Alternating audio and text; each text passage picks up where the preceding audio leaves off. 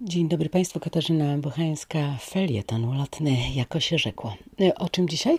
O czytelnictwie. Tak sobie ostatnio, proszę Państwa, myślę, dlaczego młodzi ludzie w dużej części, bo nie mówię tu oczywiście o wszystkich, byłoby to zbyt niebezpieczne uogólnienie, ale też niesprawiedliwe uogólnienie.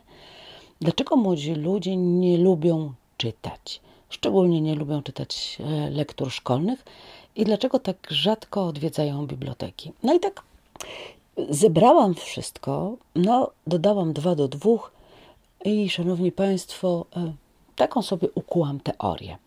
Otóż e, niestety narzeka się, że dzieci mało czytają, że nawet jak mają ferie, to ta książka ich jakoś nie pociąga. Narzeka się na to, że coraz mniej czytają lektur, że widać to ewidentnie na maturach, a jak już czytają, no to bardziej z obowiązku niż z przyjemności. A jak już czytają, to tak po wierzchu, bez refleksji nad tekstem. I może to jest tak, szanowni państwo, że to wszystko zaczyna się gdzieś tam na początku. Że jest taki ten punkt zwrotny. No bo zauważcie, jak są małe dzieci i mama czyta im książkę, to dzieci interesuje ta książka. Chcą, żeby im wielokrotnie tę samą opowieść czytać. E, chcą oglądać ilustracje. A więc niby ta inicjacja czytelnicza jest ok. A potem, a potem jak idą do szkoły, to nagle ten zapał czytelniczy mija. No i jak zaczęłam się zastanawiać, skąd się to wzięło. I tak sobie myślę, przyglądam się ostatnio, e, szanowni państwo, uczniom w różnym wieku i ich po prostu pytam. I co się okazuje? Ich kontakt z biblioteką wygląda trochę jak kontakt z aptekarzem. Przychodzą, podają tytuł, biorą tę jedyną książkę i wychodzą.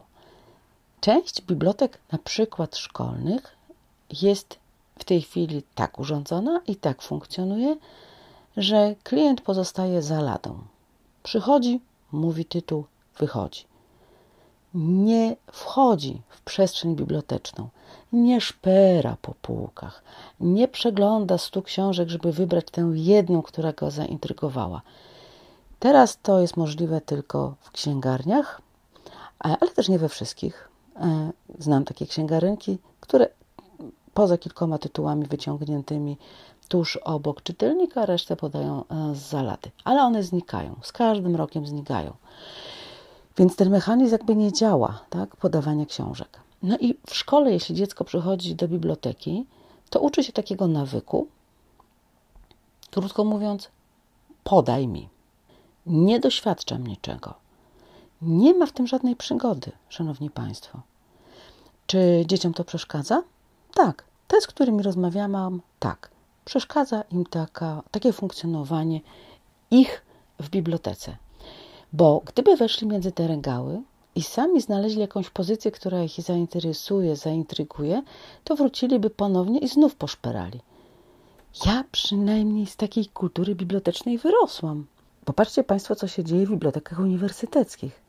Tam po prostu czasami wiatr hula. Kiedyś czytelnie były pełne. Ja już pomijam fakt, że rzeczywiście kiedyś dostępność do niektórych tytułów była bardzo ograniczona, a dzisiaj wszystko jest y, w zasięgu ręki i sporo jest w internecie.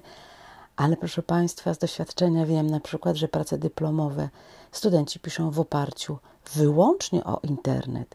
Nie chodzą do biblioteki, nie starają się o książki, y, nie kupują książek, żeby przeczytać i napisać pracę dyplomową. Piszą o źródła wtórne często w oparciu, a więc to, co już ktoś przetłumaczył, opracował. Zaprzyjaźnieni są z Wikipedią, z profesorem.pl czy ze ściągą.pl. Nie wyrabiamy w nich ciekawości czytelniczej, nie wyrabiamy w nich takiego nawyku e, poszukiwania książek, ale też nie pozwolimy im, krótko mówiąc, przeżyć tej przygody, która jest magiczna, która rozbudza ciekawość. I zobaczcie Państwo, jak to szybko postępuje ta degradacja. Małe dziecko jest zainteresowane, a potem ciach, ciach, ciach i już nie lubi książek. Ci z Państwa, którzy chodzą do księgarni z własnymi dziećmi i którzy pozwalają im wybrać książkę, którą chcą przeczytać, nie decydują za nie w tej kwestii, e, to wiedzą, że w tym wypadku ta ciekawość czytelnicza rozwija się dużo lepiej. Ja osobiście pamiętam swoją pierwszą książkę kupioną ze swoje oszczędności i pamiętam, jak biegłam pokazać tacie tę książkę i byłam z tego dumna, że mogłam sobie kupić pierwszą swoją książkę.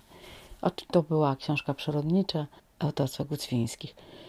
Do dzisiaj ta książka stoi na mojej półce i prawie jest, wiecie Państwo, jak takie wielkie arcydzieło XVIII-wieczne, które krótko mówiąc musi tam stać tak długo, aż ja będę żyć. I moje dzieci do tej książki od czasu do czasu też wracają. Kocham szperać w bibliotekach. Lubię e, szperać po księgarniach. Lubię przeglądać e, nowości wydawnicze w internecie. Wyrabiam sobie w ten sposób opinię na ten temat, co jest w zasięgu mojej ręki i co mogę jeszcze przeczytać. Uwielbiałam też w czasie studiów, ale też i po nich wracać do wielkich bibliotek, do wielkich czytelni, zaszyć się w nich i tam po prostu pracować. Tam był klimat, tam była cisza. Tam, krótko mówiąc, w jednym miejscu zlewały się myśli wszystkich wielkich, którzy coś napisali. Uwielbiam z moimi dziećmi w związku z tym też y, kupować książki, szperać po księgarniach i mamy taki rytuał, który zawsze kończy nam zakupy w księgarni. Otóż zawsze przycupujemy sobie w małej kafejce księgarnianej mm, i pijemy mleko z piankami. A potem wracamy, zawsze pieszo z tej księgarni, kilka przystanków, ale nam to zupełnie nie przeszkadza. I rozmawiamy o tym, co mamy w naszych torbach, i już się cieszymy, że za chwilkę zaparzymy sobie herbatę i będziemy mogli, krótko mówiąc, spotkać się z kolejną książką.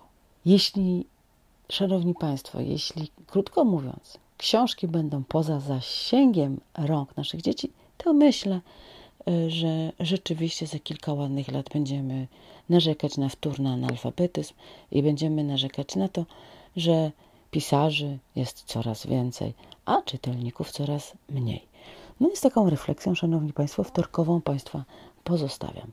Może po prostu trzeba puścić czytelnika za regał, a niech się zmierzy ze swoimi decyzjami.